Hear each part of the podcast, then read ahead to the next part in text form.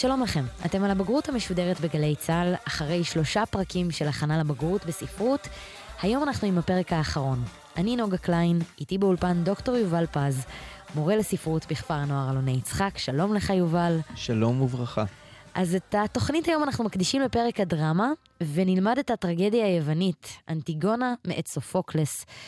בואו נעבור קודם כל על שלושה מושגים בסיסיים. מהי טרגדיה? הטרגדיה היא מחזה שנוצר uh, בתקופת יוון העתיקה כדי לשמש כלי מוסרי וחינוכי בידיו של השלטון. הכוונה של הטרגדיה הייתה בעיקר לעורר פחד ורחמים, לגרום לאנשים לריגוש חזק מאוד, שיוביל אותם למחשבה, ובעקבות המחשבה לזיכוך הנשמה, ואולי הם יהפכו להיות אנשים טובים ומוסריים יותר. אה, בראש ובראשונה, הטרגדיה נועדה כדי לחזק את האמונה באלים, ולשם כך אה, הפכו את האירוע הזה לאירוע שכמעט כל תושבי המדינה היו משתתפים בו. נערכו אה, פסטיבלים מאוד מרשימים וחגיגיים, שבהם הוצגו טרגדיות שנכתבו במיוחד לאותו פסטיבל, שהייתה בו גם תחרות. והיו צריכים את החיים במדינה כדי שכולם יבואו ויצפו בהצגות האלה. אפילו האסירים מבתי הסוהר הוצאו והובאו לאמפיתיאטרון כדי לצפות, ואולי דרך הטרגדיה לתקן את דרכיהם, ובראש ובראשונה, כאמור, לחזק את האמונה שלהם באלים. החוקרת דורותיה קרוק, שמתבססת בתיאוריה שלה על הפילוסוף אה, היווני אריסטו, טענה שבעצם יש סכמה שמורכבת מארבעה חלקים, ארבעה מרכיבים לטרגדיה. המרכיב הראשון, היא קראה לו המעשה המביש. הכוונה שלה הייתה למעשה או לסדרת מעשים שמחוללים את החיזיון של הסבל המרכזי במחזה. המעשה המביש חייב להיות כזה שאדם יכול לעשות מטבע בריאתו. זה תנאי כדי שתיווצר הזדהות של הצופה עם הדמות. מעשים מבישים בטרגדיה כמעט תמיד קשורים בדחייה, בבגידה או ברצח. במחזה אנטיגונה מבצעים גם קריאון וגם אנטיגונה מעשים מבישים. קריאון הטיל צו האוסר על uh, קבורת פולינקס, ובכך למעשה שם את עצמו כביכול מעל האלים. אנטיגונה, לעומתו, עברה על חוק המלך וקברה את אחיה בניגוד להחלטתו של uh, קריאון להפקיר אותו בשדה. המרכיב השני בטרגדיה הוא הסבל. הסבל נגרם בעקבות המעשה המביש, והוא חייב להיות קשה מנשוא. לרוב תהיה לו השפעה הרסנית שתוביל לאובדנו הגמור של האדם בחייו או אפילו במותו. הסבל נחשב טרגי רק אם הוא מביא את הגיבורים לכלל ידיעה והכרה בטעותם. אה, אנטיגונה סובלת כתוצאה מההתעקשות שלה לקבור את אה, אחיה, היא נידונה למוות בייסורים, היא כואבת את חייה המוחמצים. אף על פי כן, היא לא מכירה בטעות שלה, דבר שמחליש אולי את uh, עובדת היותה גיבורה טראגית. לעומתה קריאון מבין שהוא טעה, אבל כאשר הוא מבקש לתקן את, את הטעות שלו, מתברר לו שזה כבר מאוחר מדי. הוא נאלץ להתמודד עם מותם של אנטיגונה, של בנו האימון, של אורדיקה אשתו, ובעצם לשאת על מצפונו את האחריות לאסון שהוא הביא על עצמו. ההכרה שלו באחריות הופכת אותו לגיבור טרגי קלאסי, כזה שמשרת את הרעיון של המחזה. המרכיב השלישי הוא הידיעה. הידיעה היא התוצאה של הסבל. הדמות הטראגית מבינה את חומרת המעשים שלה, דבר שנותן תוקף לסבל שהיא מרגישה. הידיעה מתבטאת גם בהבנת הצופה או הקורא, במקרה שלנו, שאם הוא לא ינהג על פי החוקים המחייבים, כלומר חוקי הדת, הוא ייענש. זה מרכיב מרכזי בתפקיד החינוכי של המחזה, שמבקש לחזק את האמונה באלים. אנטיגונה מבינה את הקשר בין המעשים שלה לבין העונש שלה, אבל היא נוהגת בגאווה של מי ששלמה עם עצמה. היא לא חוזרת בה, היא לא מתחרטת, היא הולכת uh, בראש מורם אל מותה. בכך היא גם מצטיירת כדמות מופת, שתורמת להבנת הקהל מהו המעשה שהיה נכון לעשותו. לעומתה קריאון מבין, ביחד עם הצופים, שהוא טעה. הוא יודע שלפי חוק הדת הוא חטא, והחוק האלים קודם לחוק המדינה, וזה למעשה הופך להיות המסר המרכזי של המחזה. המרכיב הרביעי והאחרון הוא האישור מחדש. זה שלב שבו הצופה או הקורא אמור לחוות קתרזיס. קתרזיס זה תהליך נפשי של uh, טיהור הרגשות הרעים. תהליך שבסופו מתחזקת האמונה הדתית שלו. לאחר שהוא מרגיש uh, רגשות של פחד ורחמים וזעזוע, והוא יושב מול ההתרחשות והוא נדהם uh, עד כמה נורא יכול uh, להיות גורלו של אדם. הסיום של הטרגדיה, שבו הוא רואה איך החוטאים משלמים על מעשיהם, למעשה מבשר שהסדר הקיומי, המוסרי, שב על כנו. זה אישור חשוב, כי זה אישור לכוחם של האלים, לשליטה שלהם ביד רמה. זה אישור לכך שהמוסר האנושי הוא הקובע, הוא השולט, הוא זה שעל פיו אה, מסתדר העולם. בסיום המחזה אנטיגונה מתקבל האישור מחדש לסדר העולם התקין, חוק הדת קודם לחוק המדינה. מי שלא יכיר בסדר הזה, ייענש קשות, וסופו יהיה טרגי. אז אה, נתנו את ארבעת מאפייני הטרגדיה כבסיס להיכרות שלנו עם אנטיגונה. בואו נחזור אחורה לרקע של העלילה. תסביר לנו בקצרה במה מדובר. המחזה אנטיגונה הוא השלישי בתוך uh, טרילוגיה של מחזות שכתב סופוקלס. הראשון היה אדיפוס המלך, השני אדיפוס בקולונס, והשלישי אנטיגונה.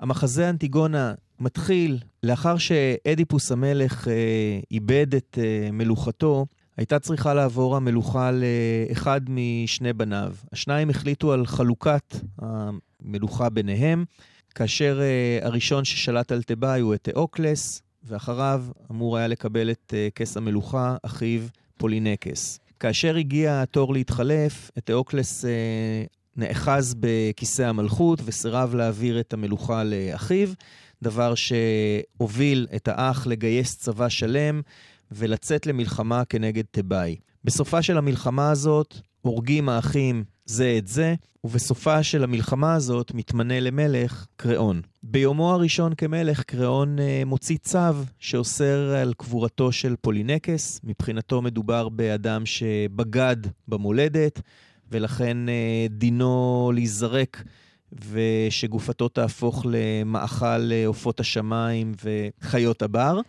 אנטיגונה לא מוכנה לקבל את הצו הקשה הזה, כי מבחינתה לכל אדם אה, ראוי הכבוד של להיקבר בצורה אה, אנושית. לכן היא קוברת את אחיה, וכשקריאון מגלה שהיא עשתה את המעשה הזה, הוא גוזר עליה דין מוות. המחזה למעשה מתחיל בוויכוח בין אנטיגונה לבין אחותה איסמנה, האם אה, לקיים את צו המלך או לקיים את צו המצפון שאומר קבורה מכובדת לאח, גם אם הוא נחשב כבוגד.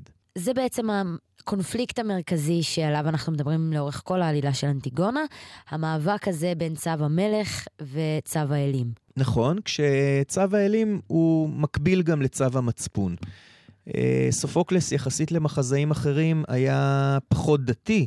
עניין אותו יותר המצפון האנושי, אבל כדי שהמחזות שלו לא יצונזרו, הוא הקפיד להכניס בתוכם את אותם אלמנטים דתיים שישיקו למעשה את המוסר האוניברסלי עם מוסר האלים. אילו יסודות נמצאים בתוך המחזה אנטיגונה? באופן עקרוני, היסודות של אה, דרמה בכלל וטרגדיה בפרט, זה שילוב של אה, מונולוגים, דיאלוגים וקונפליקט. וכל המרכיבים האלה נמצאים באנטיגונה, והם למעשה מוליכים את העלילה, כאשר uh, בתוך uh, התמונות השונות שמרכיבות את המחזה, יש גם uh, קטעי שירה שמבוצעים על ידי המקהלה, אותו גוף שהיה חלק מהמופע הזה שנקרא טרגדיה יוונית. מה תפקיד המקהלה בטרגדיה היוונית? למקהלה בטרגדיה היוונית היו מספר תפקידים. היא מקשרת בין חלקי העלילה באמצעות השירים, היא מפיגה את המתח ויוצרת השהיות במהלך העלילה באמצעות שירים וריקודים. זה כדי לאפשר טרגדיה מושלמת, על פי אריסטו. בתחילת המחזה המקהלה היא תמיד אובייקטיבית, אבל ככל שהוא מתקדם היא נוקטת עמדה בהתאם למסר אותו מבקש להעביר מחבר הטרגדיה לקהל הצופים. מצד אחד המקהלה מייעצת לדמויות במאבקן זו בזו, ולצד זה היא מפשרת ביניהן. המקהלה משמשת כביכול כנציג העם, מעין שופר לדעת הקהל ולהלך הרוח של העם. היא מייצגת את התבונה, את חוכמת הזקנים. היא משמיעה כמובן את קולו של המחבר, מנסחת את דעתו על האירועים ועל הגיבורים. אפשר לראות אותה כגוף חיצוני שאחראי על מערכת המשפט והוצאת הצדק לאור. במובן זה, היא גם משקפת את המצפון, או נאמר, המוסר האנושי של המחזה. תפקידה האחרון של המקהלה הוא לסכם את מוסר ההשכל של המחזה, וכך מעניקה לו את משמעותו האוניברסלית. במהלך המחזה היא בונה את ציר האמונה באלים, ובסיומו היא אחראית על חיזוק האמונה באלים, שזו גם מטרת העל של המחזה כולו. אז uh, לסיכום, אנחנו אומרים שהיסודות המרכזיים uh, בדרמה, ובתוכה גם באנטיגונה, המונולוג, הדיאלוג והקונפליקט. בואו נרחיב שנייה על המונולוג והדיאלוג. המונולוג הוא נאום, אפשר לומר. כאשר uh, דמות מדברת לא באופן ישיר לדמות אחרת, אלא נראה שהיא פונה אל הצופים, אנחנו מגדירים את זה כמונולוג. המונולוגים במחזה נועדו כדי להציג את uh, השקפת העולם של הדמות שנושאת את אותו מונולוג. לעומת זאת, הדיאלוג, כמובן אמצעי שמקדם את העלילה. הדיאלוגים בין הדמויות חושפים את uh, עמדותיהן של הדמויות, את השקפת העולם שעומדת מאחורי ההתנהגות של כל דמות. Uh, הדיאלוגים בדרך כלל uh, מובילים את העלילה אל uh, נקודות השיא שלה, בהן משתמש מחבר היצירה כדי לעצב את הקונפליקט שעומד במרכז היצירה. אוקיי, okay, אז אנחנו סיכמנו גם את המונולוג, גם את הדיאלוג וגם את הקונפליקט המרכזי בעלילה. נשמע 60 שניות על עוד מושג מרכזי בדרמה, הדילמה. המילה דילמה, כמו מאפיינים רבים בטרגדיה, מקורה בשפה היוונית ומשמעותה טענה כפולה. כלומר, הדילמה היא מאבק המתרחש בין שני ערכים טובים, הדילמה היא אחד המאפיינים החשובים ביצירות ספרותיות בכלל, ובטרגדיה היוונית בפרט, וסביבה מתרחשת רוב העלילה.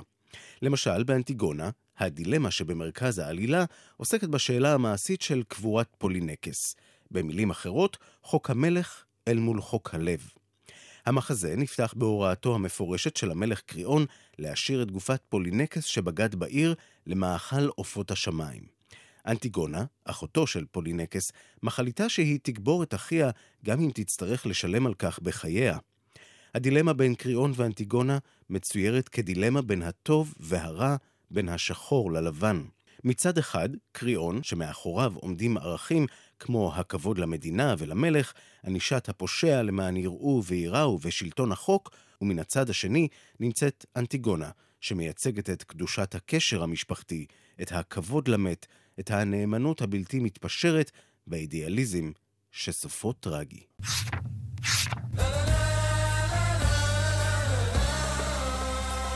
אוקיי, okay, יובל, אנחנו ממשיכים לחלק הבא בהתעמקות שלנו בתוך המחזה אנטיגונה. הדמויות, בואו נדבר על הדמויות השונות והיחסים ביניהן. מה מערכות היחסים המשמעותיות? ראשית, אה, כמובן צריך לדבר על אנטיגונה. אנטיגונה שייכת לבית המלוכה, היא בתו של אדיפוס המלך וארוסתו של אה, בן המלך קריאון, איימון. היא עומדת בפני בעיה אנושית. חוק המלך עומד בניגוד למצפונה ובניגוד לחוק האלים שבו היא מאמינה. אנטיגונה מתגלה לאורך המחזה כאישה נחושה מאוד בדעתה לקבור את המת בכל מחיר. היא חדורת אמונה בצדקתה ומוכנה לשלם אפילו בחייה. בהמשך המחזה מתברר שגם אזרחי העיר חושבים כמוה. כלומר, אנטיגונה מייצגת את דעתם של אה, רבים, אבל היא שונה מהם בכך שהיא מביעה בקול את מה שאחרים חוששים לומר, וגם מבצעת בפועל את מה שהיא רואה לנכון לבצע. אנטיגונה היא דמות אה, מאוד אה, עקבית, אפשר לומר עקשנית, עד סוף דרכה. היא קוברת את אחיה פעמיים, היא לא מתכחשת למעשה, היא מתווכחת עם קריאון באומץ, עקרון הצדק מנחה אותה ללא פשרות, היא יודעת כי אם היא הייתה נוהגת אחרת, חייה אמנם היו ניצלים, אבל היא לא הייתה יכולה לחיות עם המחשבה שהיא אה, בגדה במוסר שבו היא מאמינה. אה, אנטיגונה מודעת לסבל שלה, היא מקוננת על מר גורלה. היא יודעת כבר שהיא הולכת למות, היא יודעת שהיא אה, לא תזכה להתחתן, להקים משפחה. זה משהו שככה ממש אה, יש לו מקום במחזה כשהיא אה, עושה את דרכה אל אה, אותה מערה שבה היא גם תסיים את חייה. בסופו של דבר היא מחליטה להתאבד. מבחינתה המוות עדיף על החיים, לאור הנסיבות כמובן שנוצרו. למרות זאת, היא מוצאת חן בעיני הקהל והמקהלה, כי היא מייצגת את האמת שלהם, היא מייצגת את המצפון בגבורה, ולמעשה היא מביאה על עצמה את אסונה, אבל יחד עם האסון הזה היא מזכה את הצופים באותה תחושה של קתרזיס, כלומר, הרגשה מאוד אה, טובה שמה שצריך לקרות קרה, והעולם הזה מתנהל על פי צדק ומוסר שמונחה על ידי האלים. לעומתה כמובן עומדת אה, דמותו של קריאון, שייך אה, למעמד גבוה, הוא גם אה, יוצא בית המלוכה, הוא מכהן כמלך חדש בממלכת תיבאי, הוא מייצג את העיקרון שהאזרח צריך תמיד להישמע להוראות השליט. קריאון מונחה על ידי דעה אחת, הוא בטוח בצדקתו, הוא לא מצליח להבין את מניעי הנעלים של אנטיגונה, הוא מגלה עיקשות רבה, אפשר לומר עיוורון נפשי, עיוורון שהופך אותו בסופו של דבר לדמות טרגית. הוא חרד מאוד ליציבות שלטונו, צריך להזכיר אולי שזה היום הראשון שלו כמלך תיבאי, וכל הסיפור הזה קורה במהלך אותו יום ראשון שלו כמלך. Uh, הוא מעוניין להיות מלך חזק, הוא מעוניין לשלוט במדינה ביד רמה, ולכן הפעולה של אנטיגונה זה מבחן ראשון מאוד קשה שהוא צריך לעמוד בו. מבחן שהוא חושש מאוד להיכשל, כי אם הוא לא יעמוד על דעתו, ייתכן שהוא ייתפס כמלך חלש, ומי יודע מה יקרה בהמשך. לכן הוא עומד על כך שאנטיגונה תיענש על המעשה שהיא עשתה. הוא לא מוכן להקל בחומרת המעשה, למרות שמדובר בבת משפחה שלו.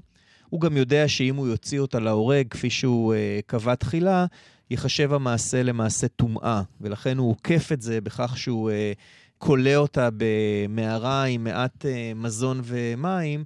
ו... היא כבר תמות לבד. בדיוק, בדיוק כך.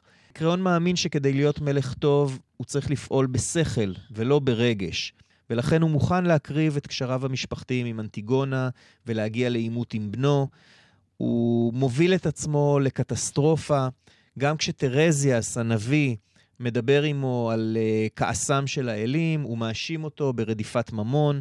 הטרגיות של קריאון נובעת מההחמצה, מהעיוורון, מזה שהוא כל כך עקשן שהוא לא מסוגל בכלל לראות שיש אפשרות אחרת מהאפשרות שבה הוא אה, בוחר.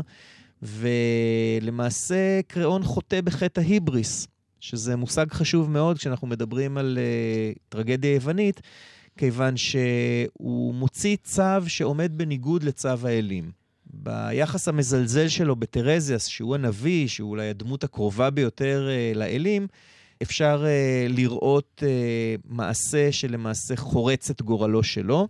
אפשר לראות בדמותו של קריאון סבל, מודעות לסבל וגם אישור מחודש של הערכים, מה שבעצם אה, הופך את הדמות שלו לדמות כנראה הטראגית של המחזה הזה, שבזכותה יוכל סופוקלס להעביר את המסר. את, האיש, את אותו אישור מחדש של הערכים בסיום העלילה, שבה אנחנו נתקלים בסוף טרגי לדמותו של קריאון, שגורם לנו בעצם להבין שבסופו של דבר האלים שולטים והם אלה שיקבעו את הגורל של הדמות הזו. נכון מאוד, זה מסר שחייב לעבור בצורה מאוד uh, ברורה, לכן uh, קריאון uh, מאבד למעשה, חוץ מאת אנטיגונה כמובן, שהיא בת משפחה שלו, גם את בנו האימון, שמנסה לרצוח אותו, וכשהוא נכשל בניסיון, הוא אה, נופל על חרבו ומתאבד.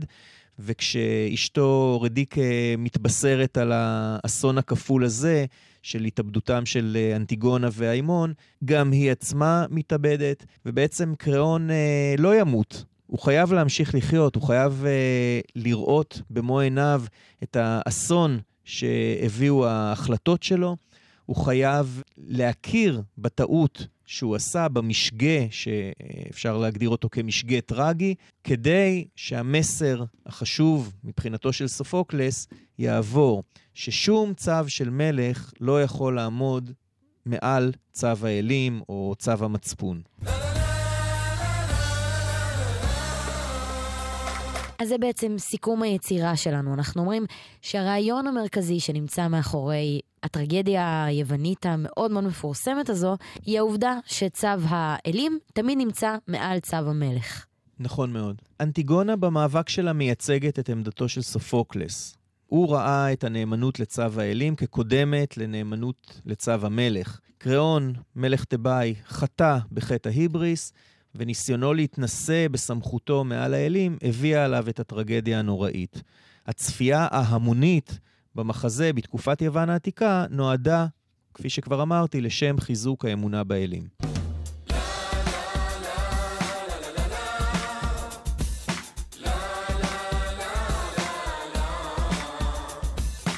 תודה רבה לך, דוקטור יובל פז. אנחנו מסכמים בעצם את ארבעת פרקי ההכנה שלנו במסגרת הבגרות המשודרת. מרגישים מוכנים לבגרות בספרות. תודה גם לטכנאי שלנו, אסף אזולאי. אני נוגה קליין. אתם יכולים למצוא את כל הפרקים של הבגרות המשודרת באתר וביישומון של גל"צ, ולהתכונן לבגרות גם כשאתם בדרכים. תודה רבה שוב, יובל. תודה רבה לך, ובהצלחה לתלמידים. כמובן, בהצלחה בבגרות, חברים. להתראות.